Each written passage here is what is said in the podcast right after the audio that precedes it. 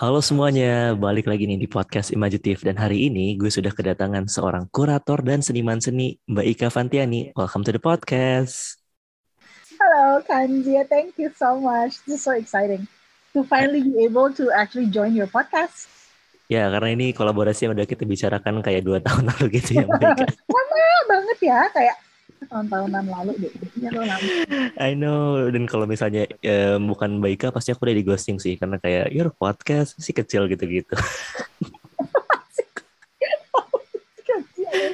So, um, Mbak Ika kita terakhir ketemu itu di salah satu pameran di mana Mbak Ika bikin soal seni dengan judul Key Performance Index. Jadi buat pendengar yang belum kebayang nih bisa langsung di Instagramnya @fantiani itu ada postingannya tuh. Jadi KPI itu digambarkan lewat ke I think karet gelang ya Mbak yang saling berkaitan satu sama lain. How's gimana proses berpikirnya dari KPI ditranslate into that kind of work, Mbak? Mungkin uh, yang pertama mau diceritain dulu, iya memang kelihatan seperti karet gelang sih ya. Tapi itu sebenarnya kertas yang dibikin berbentuk lingkaran dalam berbagai macam ukuran dan warna gitu ya. Terus disusun ditumpuk. Tapi memang kalau sepintas kelihatan seperti karet gelang gitu ya, yang ditumpuk banyak-banyak dan jadi bulatan besar gitu nggak sih? Yeah, my bad, sorry. Nah, tentu saja nggak apa-apa. Sebenarnya waktu bikin karya itu bukan nemuin judulnya dulu sih. Jadi bukan kayak, oh uh, gue mau bikin karya mengenai KPI bukan gitu sih kan Jia sebenarnya tapi lebih pamerannya gitu ya. Pamerannya sendiri bicara tentang labor gitu. Aku sendiri kemudian bicara mengangkat bicara labor dari diriku sendiri sebagai seorang pekerja uh, paruh waktu gitu kan. Apa sih konsep labor buat seorang gue gitu kan? How do I experience the my position as a worker? Ya nggak sih gitu? How do I see myself as working for someone dalam sistem yang tentu saja kita semua tahu nggak misalnya nggak selalu adil gitu ya nggak selalu human gitu nggak selalu kayak sesuatu yang kita bisa kayak oh di depan misalnya ditawarin untuk satu posisi gitu ya. Terus pas kita udah uh, kerjain nggak ada 17 kerjaan lainnya yang kita nggak tahu gitu. Misalnya hal-hal kayak gitu gitu. Nah yang menarik mungkin dari karya KPI ini adalah karya cuma satu itu tapi memang yang menarik adalah yang bikin itu ada ada enam orang yang bikin satu karya itu maksudnya. Empat orang masing-masing mereka bikin kertas yang berbentuk lingkaran itu yang kemudian ternyata setiap orang punya bentuk lingkaran yang berbeda-beda gitu ya. Pasti gabung jadi menarik banget.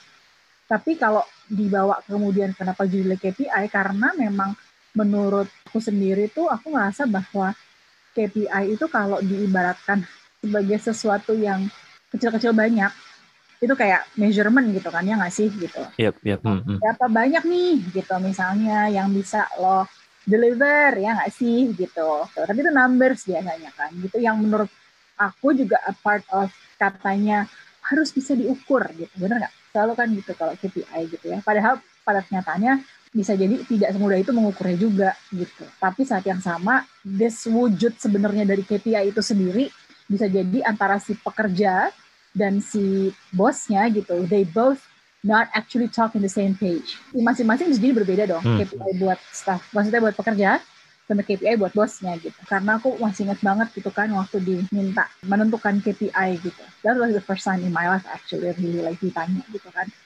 KPI-nya berapa nih mau gimana gitu kan. I feel that way sih. Actually that's how I translate what I have in mind about it into that work sih gitu kan. Jadi mana menurut aku itu kayak kecil-kecil banyak numbers tapi sebenarnya wujudnya nggak actually jelas gitu loh gitu ceritanya. Oke, okay. tadi Mbak Ika mention soal gimana seni itu bisa dilihat dari berbeda interpretasi. Is that what you actually looking for in making art? How how do you get the satisfaction out of creating art? Oh, that's a very interesting question. Mungkin to start with, menurut aku sendiri, seni sendiri itu sebenarnya kalau buat aku adalah dia sebuah ruang. Art itself is a space. Ruang yang tidak berbatas, besar banget, uh, yang bisa menjadi ruang untuk ide apa pun, untuk pesan apa pun gitu ya. Di saat yang sama kemudian terbuka terhadap apa pun interpretasi gitu ya. Bukan hanya interpretasi publik yang melihat karya, tapi juga interpretasi seniman sendiri. Semuanya boleh, semuanya bisa gitu ya. At the end of the day because it's art kan gitu.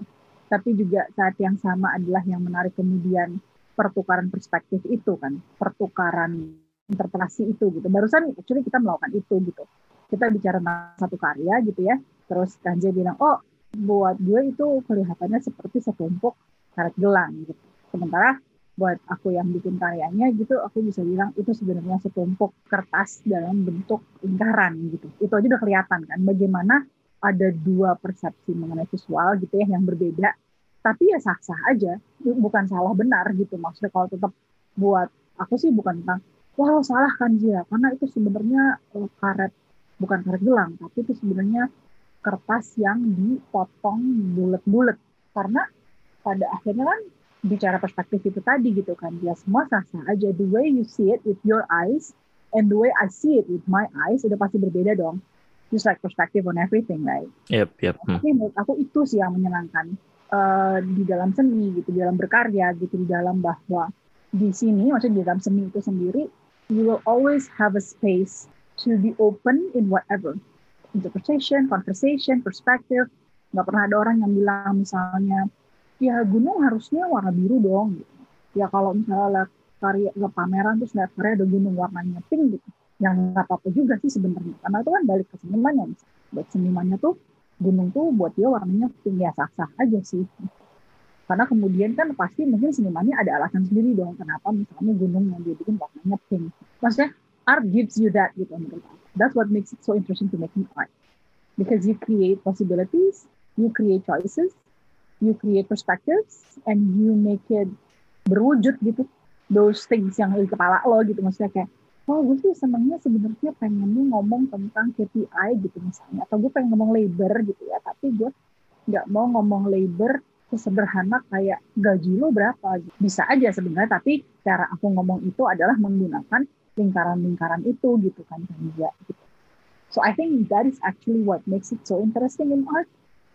Everything is in art in our daily life menurut aku. The way I see it everything is can be an art. Dari mencuci piring maksudnya dari aktivitas seperti mencuci piring sampai you literally making paintings of 5 meter gitu misalnya. It's all making art menurut aku ya. Because at the end of the day I think manusia sendiri sebenarnya setiap hari kita berkarya sih gitu memang beda aja konteksnya gitu kan. Kan dia like um, masak gitu. Masak tuh buat gue sih berkarya ya. Karena you actually making something from scratch right? And it's it is gitu. Ada ada ada resepnya misalnya gitu. Ada tekniknya benar sih? Ada certain way of doing it right? Dan setiap orang punya cara beda-beda ya untuk masak misalnya it's all at the end menurut aku juga. It's how human create something through their work gitu. Yang back again to us as a as, as the person who doing it who sees it gitu. Can we appreciate that more than just what it is gitu. Nah art gives you that. I think that's the kind of freedom that I like about it. The kind of this space that I feel so welcoming and at the same time challenge me also about setting boundaries. Yang menarik sebenarnya kan itu sebenarnya seni ruangannya sih besar gitu. Karena bebas tapi harus tetap berbatas.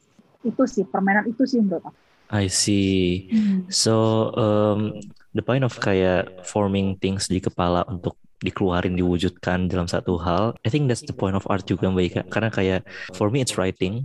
I write to keep myself sane gitu. Dan KPI ini jujur ini kan pertama kali aku baru nemu nih KPI dijadiin seni. Kayak that was my very first time. Nah my other first time mengetahui kolase itu dari sebuah band nama klan namanya Clean Bandit. Clean tuh kayak badak banget dong gue. Dan di mana di albumnya dia tuh menggunakan kolase gitu. Kalau Mbak Ika sendiri gimana? Kenapa akhirnya dari sekian banyak form of art milih kolase untuk diperdalam gitu? Oke, okay. sebenarnya eh, dari awal bukan dimulai dengan sebuah conscious decision gitu ya. Karena awalnya si kolase sendiri adalah sebuah teknik yang aku gunakan untuk waktu itu aku pengen bikin my first zine. Like zine is a like independent magazine, uh, media gitu ya, my own magazine gitu. With what I have, yang mana waktu itu aku nggak bisa graphic design gitu. Will be able to make this happen gitu, this zine. Gitu. Terus lihat contoh-contoh zin yang teman-teman aku bikin itu mereka semua pakai kolase caranya beberapa zin-zin yang pertama dulu aku lihat dari luar Indonesia juga mereka tekniknya begitu gitu kan. Digunting ditempel di fotokopi plus ya udah digituin aja gitu. So actually that's where the first time I actually use collage in making something gitu ya. Waktu itu untuk bikin my first zine jadi uh, I feel like oh I can I I want to do this gitu. I want to make my first zine so I'm going to use whatever I have gitu to make that happen baru beberapa tahun setelah itu menemukan bahwa kolase itu juga bisa bikin eh bisa juga jadi bikin karya seni lokal gitu. Itu gara-gara blog hopping waktu itu. I see some of the mixed media work gitu by some artists gitu di luar yang mereka kemudian mengingatkan gue gitu kayak oh iya ini kan kolase juga. Dulu kan gue suka bikin kolase gitu ya. Oh iya bener juga ya kolase itu bisa juga lo bikin jadi teknik ya bikin karya seni kayak gitu ah mau coba ah gitu. It's that simple. It's really that simple. So setelah itu ya udah kayak I spend several hours every day after office sitting on my room. In my room just use whatever I have in front of me whatever paper glue and scissor gitu. Terus belajar bikin terus ternyata suka banget. Nah dari situ juga sih kemudian karena juga gue nggak punya latar belakang sekolah seni gitu kan. So I'm pretty much learning by doing semuanya belajar sendiri gitu. I found collage itu juga very empowering sebenarnya karena dia mungkin sebuah teknik yang tidak membutuhkan pengetahuan yang mungkin berbeda dengan teknik berkarya yang lain seperti melukis misalnya gitu ya kan. Kalau kolase kan nggak ada hal-hal seperti itu ya. Kolase kan dimulai dengan kayak oh ada lem gunting sama kertas. Ya udah bikin aja karyanya gitu. So I feel like how simple yet amazingly powerful and empowering collage is gitu karena dari bahan dan alat yang sederhana yang kita bisa temukan di sekitar kita gitu ya itu tuh bisa jadi sebuah karya yang gitu ya misalnya apa pun itu lah kuat banget yang menarik banget yang emosional banget yang gede banget gitu. Dari situ sih kemudian I feel like this is like my technique gitu kali ya from then on gitu kayak oh this is it ini gue mau menggunakan teknik ini gitu to make art gitu. Walaupun kemudian pada prakteknya ya setelah itu ya I'm doing other things I'm doing other teknik juga sama kolase sih gitu tapi memang mainly I use collage gitu as as as my main technique as an artist gitu sih. Oke, okay. I actually see one of yours di Posanta. Salam dari Kak Teddy dan Kak Messi by the way untuk Mbak Ika. yeah. So there's something interesting yang lagi jadi bahan perbincangan nih Mbak. Um, but bear with me karena kita bakal loncat agak jauh. I'm thinking of bridging tapi kayak aduh bingung nih bridgingnya gimana. There's a lot of discussion circulating in Twitter yang bilang kayak we're coming at the age di mana seni itu mulai mati gitu. We're coming at the age of death of arts. Kita bisa lihat di tiang-tiang lampu jalan tuh yang kalau misalnya zaman-zaman Victorian, zaman-zaman I don't know 1800 Renaissance segala macam tuh masih kayak ada mungkin kepala naganya dan something. Sebenarnya kalau sekarang kan cuma tinggal bentuk huruf U ada bolahnya gitu. Dan satu argumen mereka adalah karena will become overloaded by the internet. What are your thoughts as artists yourselves gitu terhadap this kind of arguments yang bilang kayak gue udah capek kalau misalnya udah kebanyakan overload information dari internet terus harus ngelihat dekoratif lampu rumah atau sofa gue mau yang simple-simple Oke, okay. this is a very interesting question. Kalau menurut aku yang harus diingat adalah kalau kita bicara mengenai karya seni gitu ya, kalau kita bicara mengenai wujud seni di keseharian gitu ya, setiap orang tuh pasti terpapar ke bentuk yang beda-beda. Bener kalau seorang Kanzia misalnya terpapar ke bentuk seni dalam hal desain t-shirt misalnya gitu ya Kanzia. Tapi mungkin aku terpaparnya ke painting gitu ya. Karena aku setiap hari lihat painting nih di kamar aku gitu. Definisi kemudian yang sih setiap orang itu dalam melihat sebuah karya itu juga beda-beda benar sih? Kayak tadi kan kalau Panja bilang ya ada desain yang menarik di dalam lampu jalan gitu. That and that's a design, that's art. True, itu benar gitu. Tapi juga nggak semua orang mungkin bahkan aware dari art. Jadi juga ya kayak dekor gitu. Dekor is also an art kan. Menurut aku setiap generasi punya seninya sendiri kan, punya gaya seninya sendiri gitu kan. Ya kalau tahun dulu mungkin ya paintings yang banyak gitu. Sekarang kita udah masuk NFT loh gitu. Bener nggak? Mm, mm, yep. Sekarang kita sudah terpapar ke dalam bentuk seni yang beda banget gitu. Jadi kita pun terpapar ke dalam sebuah pengalaman visual yang berbeda. Bener dong gitu ya. Kita bisa sih ke museum yang ngasih melihat karya lukis gede banget di depan mata kita gitu. Itu juga sebuah pengalaman Tapi kita juga melihat karya NFT di layar TV atau di layar handphone kita itu juga menikmati karya seni, bener nggak? Cuman kemudian pertanyaannya, can we appreciate them both equally? Ya kalau orangnya memang sudah terpapar terhadap berbagai bentuk karya seni gitu ya dari painting sampai NFT misalnya, dan mungkin dia bisa gitu memberi penilaian atau memberi apresiasi atau memberi opini gitu ya tentang dua karya seni yang walaupun berbeda jauh tapi they both art work pada akhirnya gitu. Tapi ada juga orang yang mungkin have no idea how to appreciate NFT gitu misalnya karena memang dia tidak terpapar ke situ gitu karena dia mungkin lebih terpapar ke bentuk-bentuk karya seni yang painting, and drawings, and patung gitu ya. Namanya nggak apa juga gitu. Tapi kemudian bagaimana kita hari ini sebenarnya sekarang di media sosial mau tidak mau tuh dibombardir sebenarnya sama seni. Dalam artian visual ya. Uh, setiap hari termasuk sesuatu yang katanya gitu ya harus instagramable misalnya gitu. Harus worthy of likes gitu. Sekarang sebenarnya menarik adalah tiba-tiba sekarang semua orang harus mempunyai sense of art you have to be able to tell either one certain visual itu bagus atau nggak bagus tapi secara mata siapa nih matanya kita sendiri atau mata algoritma. I see. Yep, yep. Mm -hmm. Nah, algoritma kalau menurut aku sih itu sebenarnya salah satu upaya penyeragaman visual. Karena mereka bisa menentukan yang algoritmanya besar gitu, yang visual kayak gini nih, dapat likes-nya banyak gitu, engagement tinggi banget. Kalau lo cuman posting foto doang, dibanding kalau posting reels, ya orang udah gitu gitu. Udah nggak lagi udah gambar bergerak maunya. Kalau gambarnya diem aja nggak menarik gitu. Kecil engagementnya. Like sedikit tapi itu kan berarti tidak ada hubungannya dong sebenarnya dengan visualnya. Yang menentukan algoritmanya sebenarnya. So yep, it's yep. interesting how algoritma sebenarnya menentukan itu. Sebuah visual is it worthy apa enggak? Kita lebih percaya siapa nih mata kita sendiri atau algoritma misalnya. karena kita sekarang selama ini sebenarnya disuguhkan visual-visual yang lolos dan di sama algoritma benar Iya, dan uh, dari dari sisi kayak jadinya ada threshold di Instagram dengan standarnya tuh likes and comments and share segala macam. Nah itu sih yang menarik untuk aku sekarang. Jadi okay. definisi visual yang bagus, definisi sesuatu yang moving, semua tuh sebenarnya sekarang debatable argumentatif karena ini perspektif siapa dulu nih gitu. Kita sendiri sebagai as a human being ya gitu, or machine, or algorithm gitu. Mm -hmm. Itu sebenarnya menarik sih hari ini. Okay, that's actually very interesting point to start with. There's actually a lot of things yang ternyata mendapat banyak perubahan definisi, perubahan pandangan semakin ke sini gitu dengan modernisasi dan berkembangnya internet segala macam lalala. How how do you see the changes in society sekarang ini, Mbak? Gila pertanyaannya kan jam segini. more like more like 3 a.m. deep talk nanti. Langsung dibawa ke one of the most itu ya.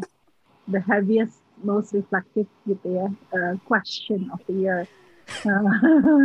apa? Tapi ya mungkin menarik karena mungkin karena istilahnya lagi karena kita generasi beda jauh banget gitu kan terus true, true. Mm. I've been through different kind of era gitu dan yours gitu kan terus juga tapi saat yang sama kalau menurut uh, aku semua era pasti ada pros and cons-nya gitu ya, ada kelebihan dan kekurangannya, ada keistimewaannya, tapi juga ada sesuatu yang mungkin pasti beda jauh terus Aduh ganggu banget ya ini beda banget ya zaman dulu tuh gini loh gitu. Kok sekarang gini banget gitu ya. Itu selalu ada sih di setiap generasi dan setiap era gitu kalau menurut aku. Tapi uh, yang aku lebih concern atau notice gitu ya. Hari ini tuh berat banget maksudnya keadaan berat sekali dalam bentuk yang aku tidak kebayang sebenarnya gitu akan sampai kita sampai di sini dalam artian kayak pandemi gitu ya climate yep. crisis mm -hmm. gitu ya terus um, a part of we experience now dan kita mungkin sekali karena kita privilege gitu ya karena kita di Jakarta gitu ya di uh, apa namanya di ibu kota negara jadi misalnya kita hidup kemudian di era yang mungkin sangat social media safety, teknologi safety gitu ya, kita dimudahkan gitu ya katanya. Tapi saat yang sama yang menarik kan saat semuanya menjadi lebih mudah sekarang katanya gitu ya. Tapi kemudian bagaimana tentang manusia sendiri gitu. gimana tentang kondisi di sekitar manusianya sendiri gitu itu juga menjadi menarik sih untuk dilihat karena mungkin I came from this generation di mana kan kita bahkan nggak ada handphone dulu sama sekali gitu kan dari yang selesai nggak ada handphone gitu sampai ngalamin sekarang udah sampai sejauh ini gitu. Tapi kemudian yang menarik bagaimana sih hubungan kemudian antar manusianya gitu? Gimana sih kemudian hubungan manusia sama sekitarnya sama alamnya gitu? Benar nggak canggih gitu. Nah hal itu sih berubahnya emang jauh banget sih tentu saja dibandingin sama dulu gitu. Dan challenge-nya sekarang sih menurut aku jauh lebih berat dan layernya jauh lebih rumit gitu. Dan kemudian membutuhkan kekuatan yang beda ya untuk bertahan di keadaan yang seperti ini gitu jadi kalau aku melihatnya tentu saja setiap era dan setiap generasi itu punya perjuangannya sendiri-sendiri, punya tantangannya sendiri-sendiri, punya pros and cons sendiri-sendiri. Tapi I would definitely say that this generation today itu have so many things to fight daily daily basis gitu yang lebih berat gitu dibandingin generasi aku dulu gitu atau dibandingin aku dulu waktu seusia uh, Kanzia gitu misalnya. Jadi itu tadi sih sebenarnya aku sekarang nggak actually look forward to see how we all can get out of this alive. More like Hunger Games tagline ya Mbak. Wah banget loh gitu ya nggak sih gitu. Yap, yap. Um, Aku aku setuju karena we we here in a point where there's no president ever gitu, nggak pernah ada sebelumnya in history and all, so we kinda lost in translation kalau kata Taylor Swift. Kita mesti lihat ke mana itu nggak ada. We, we're the one who setting the president right. Baika talking about several things yang tadi drive so many changes gitu dari dulu hingga sekarang. Kalau menurut Baika sendiri, what what do you think that drives the most changes in today's world? Teknologi udah pasti, climate udah pasti, tapi juga di saat yang sama juga I, will always remind myself that ini ini nggak rata gitu. Bentuknya tuh berbeda-beda gitu di belahan dunia lainnya gitu. Hmm, iya dong. Hmm, climate hmm. crisis di Jakarta beda lah. Pasti pengalaman di Indonesia gitu misalnya climate crisis sama mereka yang di Australia misalnya gitu, atau mereka yang di India gitu-gitu. Tapi kemudian how we deal with floods gitu di Jakarta banjir gitu kan kan dia ya di Paris juga banjir sih gitu. Tapi kemudian how do they deal with it and the way we deal with it beda kan gitu. It says kemudian it shows a lot of prepare and unprepared gitu. Preparationnya seperti apa nih gitu. Dan aku malah merasa sebenarnya sekarang makin besar gap antara those privileged ones dan yang tidak memiliki privilege sebanyak itu gitu. Dan ini dalam skop bukan hanya lingkungan terdekat ya, ini udah gede banget bahkan antar negara gitu kan. Kelihatan sekali kan yang kaya kaya banget gitu ya. Tapi yang struggling banget and they're really poor they're like really really sorry and they're really really poor. Dan itu aku baru sadar bahwa until today I've been seeing so many kayak wabah kelaparan gitu misalnya gitu ya atau wabah penyakit gitu ya di belahan dunia mana di di situasi yang menurut aku sesederhana kayak perang gitu. Perang tuh ternyata selalu ada kan yang Ukraina Rusia who would have thought? Sih we're still gonna have that kind of war. Nah ini kita apa apa sih perubahannya? Nggak ada kayaknya kan sih sama aja. The way we treat other people sama the way we treat nature sama kok gitu. Cuma sekarang katanya karena ada teknologinya instead of maybe using the technology to fix what's broken we choose to gitu kan. We choose to use the technology too gitu untuk bikin ya udah nuclear war misalnya gitu itu sih kalau menurut aku yang juga same old same old ternyata gitu. Oke. Okay. With with so many changes that happening in the world, including war yang tadi Mbak Ika udah ceritain gitu ya. Hmm. But like, what are the thoughts yang pas kecilnya sempat diajarin, tapi as Mbak Ika sekarang going through time, itu tuh mulai berubah gitu pemikiran-pemikiran itu? Sebenarnya mungkin juga aku juga harus mengembalikan dulu ya ke kondisi kehidupan diriku sendiri dulu gitu kan. How privileged I am misalnya for example. Or how I'm expose myself to gitu ya. Hal-hal yang membuat aku juga menjadi tercerahkan gitu ya. Aku juga jadi mempunyai perspektif yang baru. Semakin ke sini sebenarnya aku bersyukur banget. Karena I learn so much gitu. There's so much changes of my my, my generation dulu yang misalnya mental health dulu kan mungkin nggak ada sih kayaknya dulu yang actually be able to talk about mental health terbuka hari ini gitu. Acknowledgement of anxiety, for example. Nobody knows what is anxiety is about. Dan itu suatu hal yang kemudian kayak aku juga baru tahu sekarang gitu bahwa itu it's, it's sickness gitu. Itu bukan sesuatu yang lumrah gitu. There's a problem in it yang memang perlu dan bisa disembuhin gitu. Dulu mungkin aku merasa bahwa kalau aku stres banget, sok sakit gitu misalnya. Dulu kan aku nganggapnya itu kayak ya emang begitu gitu loh kan. Dia masa enggak salah siapa siapa? It's just part of the package of working misalnya gitu. Kalau sekarang kan enggak dong. Enggak sih sebenarnya gitu. It depends on how you work with whom you work and the system of your office gitu. And the effect to your mental health misalnya gitu. Hal-hal yang berkaitan sama gender gitu misalnya faith gitu misalnya. Misalnya aku dibesarkan bahwa kalau perempuan itu pasti sama laki-laki. Kalau laki-laki itu pasti sama perempuan gitu ya misalnya. Tapi semakin aku dewasa aku semakin aku besar terus aku baru tahu bahwa oh ternyata nggak juga gitu. Ada yang laki-laki sama laki-laki ada juga yang perempuan sama perempuan. Ada juga laki-laki sama laki-laki dan perempuan gitu. Dan itu tuh juga part of the human gitu. Part of human gitu. Nggak bukan sesuatu yang juga dilihat kayak wah ini pasti ada yang salah nih gitu. Ini pasti ada yang menyalahi takdir atau apa gitu. Yang semakin aku ke sini aku semakin sadar sebenarnya bukan tentang itu sih. Ini bukan tentang menyalahi takdir atau maksudnya they are they, that way already gitu. There's not us to judge them based on whatever we would like to put ourselves into. Karena kan kita juga bukan mereka ya. Mereka juga bukan kita gitu.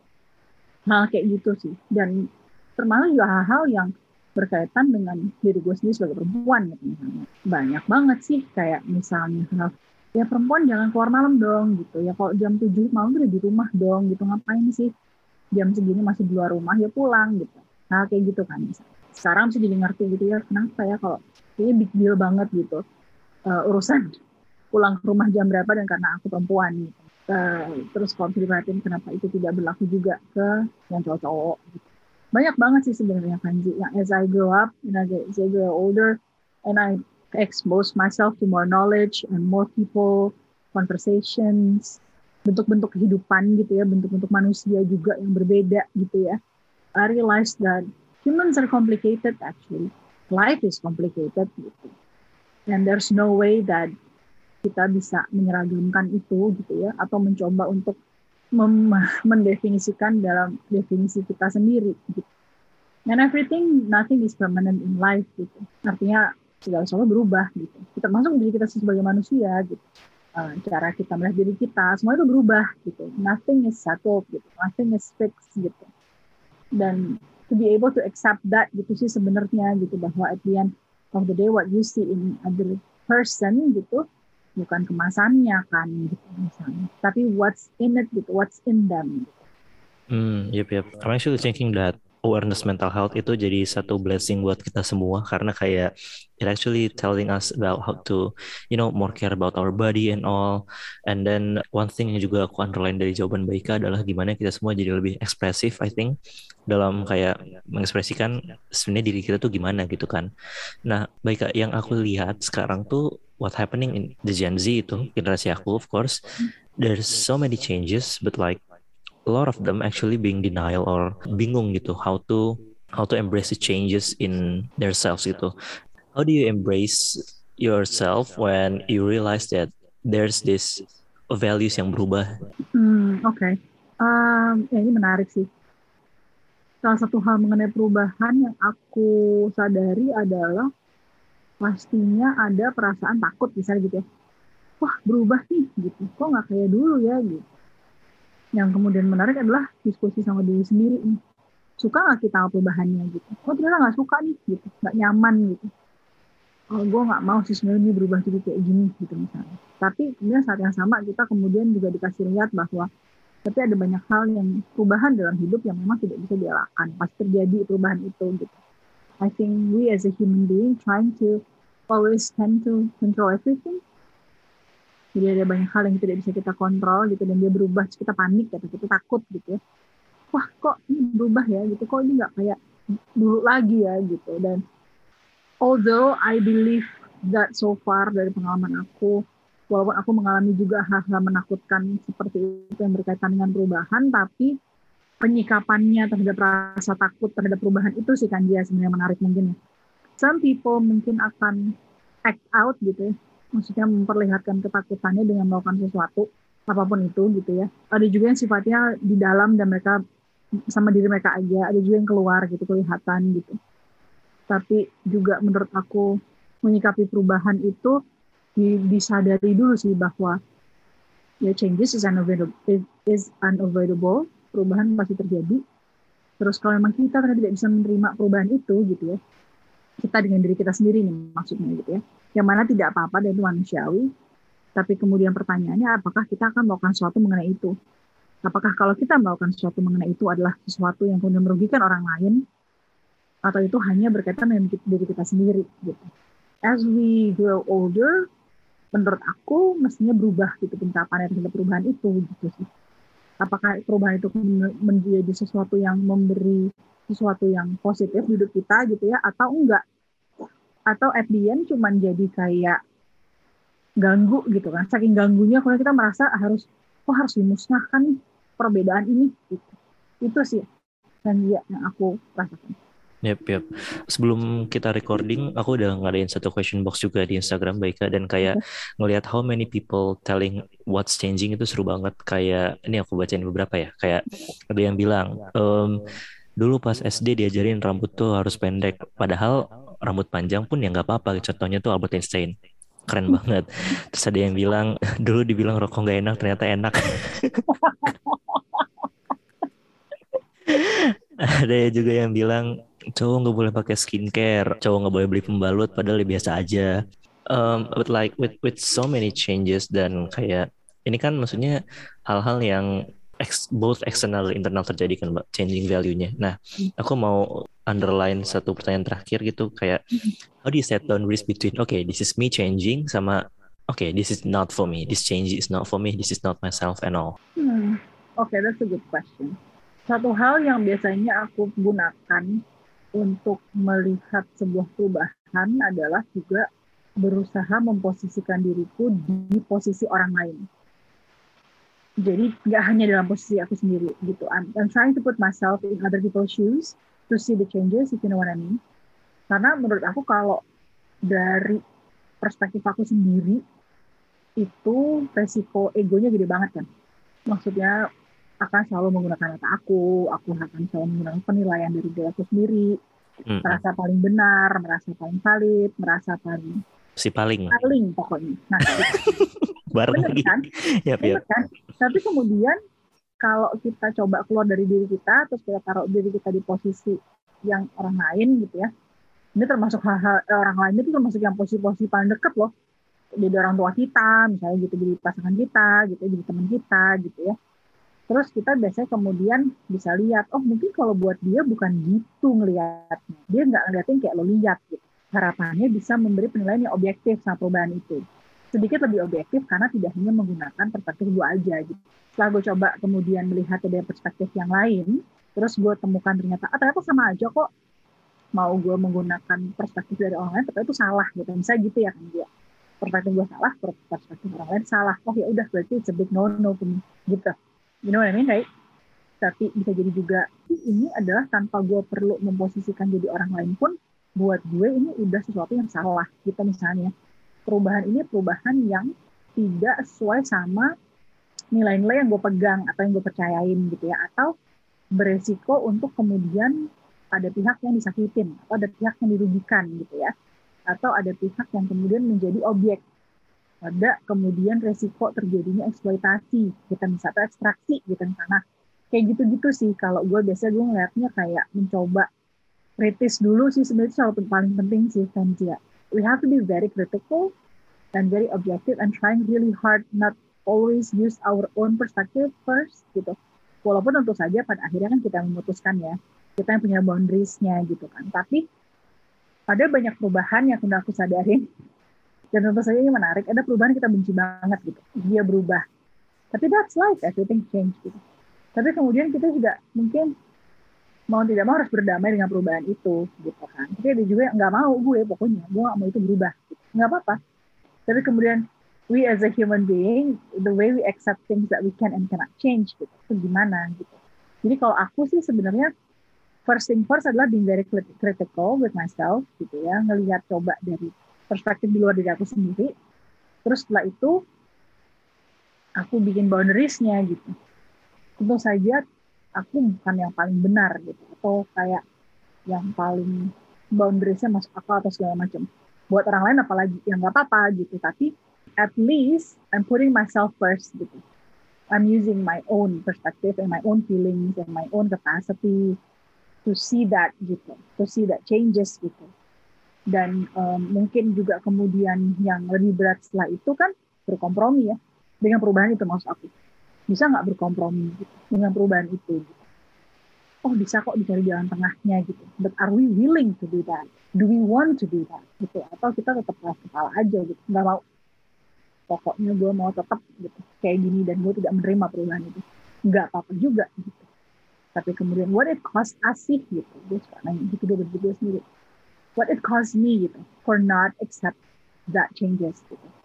What does it cost other people for that changes gitu. Nah kayak gitu. That's how I'm trying to do that all the time before decide gitu misalnya. Or aku akan menerima perubahan itu tapi hanya 50 50% lagi aku nggak mau misalnya gitu. Juga kan? Tapi that's how I've been learning to do that to set boundaries to set my own definition of allowed not allowed accepted not accepted gitu terus juga oh ini menarik untuk mungkin nantinya ini tidak permanen gitu kan ada perubahan lagi nggak apa-apa tapi perubahan yang sekarang gue gak suka gue gak mau terima misalnya gitu yang nggak apa-apa gitu kalau aku caranya gitu sih kan gitu. Aku coba posisikan diri aku di posisi yang lain dulu, orang lain dulu untuk melihat hal itu gitu ya. Setelah itu baru aku tentukan gitu. Terus gimana keputusannya kan? How are you going to do with it? Gitu. Oke, okay, that's actually one thing yang sebenarnya nampar aku bolak-balik sih, Mbak. Kenapa emangnya? ya, itu pembicaraan off the record lah. Baik. Tapi that, that was a very good uh, answers. Thank you very much Mbak Ika untuk waktunya. Thank you so much Kanzia. It's been awesome talking to you finally.